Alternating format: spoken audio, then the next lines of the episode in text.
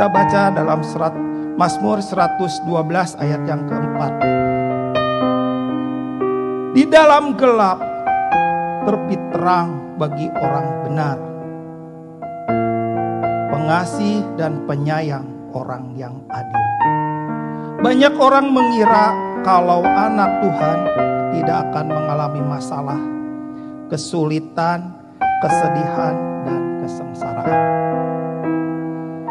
Ayat yang tadi ya, Mazmur yang 112 ayat 4 di dalam gelap terbit bagi orang benar.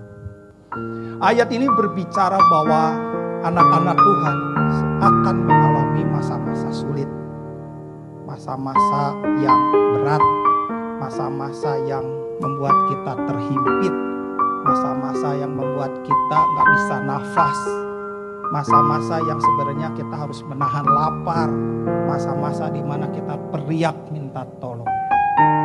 Tuhan izinin itu semua. Tapi ada banyak pengajaran mengatakan bahwa orang benar nggak bakal mengalami masalah. Kayaknya nggak gitu kebenaran. Orang benar nggak mungkin punya kesulitan. Kayaknya nggak gitu kebenaran.